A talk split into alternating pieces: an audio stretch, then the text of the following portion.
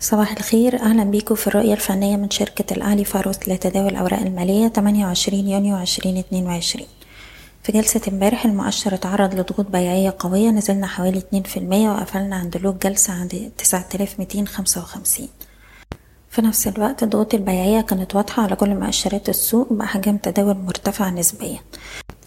دلوقتي المؤشر بيختبر مستوى دعم مهم جدا عند التسعة آلاف ميتين وخمسين. ومع ذلك في غياب تام للقوى الشرائية.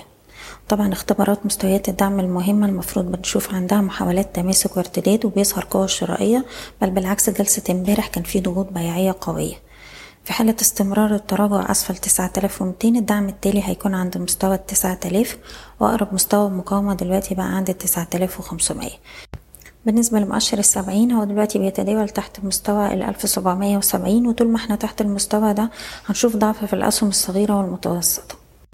في الوقت الحالي بنتعامل بتحفظ مع السوق حتى ظهور السلوك مغير لقوى الشراء. وبالنسبة للسي اي بي بنركز دلوقتي على مستوى الدعم الهام ستة وتلاتين ونص. ده مستوى بيعمل كدعم من ألفين وسبعتاشر وبالتالي هو دعم رئيسي وفي حالة تأكيد كسره هيستمر الضعف معانا لفترة طويلة. أقرب مستوى مقاومة للتجاري الدولي عند التمانية وتلاتين ونص واختراقه الأعلى هيبقى في مجال إن إحنا نشوف ارتداد لحد تسعة وتلاتين ونص وأربعين. بشكركم بتمنى لكم التوفيق.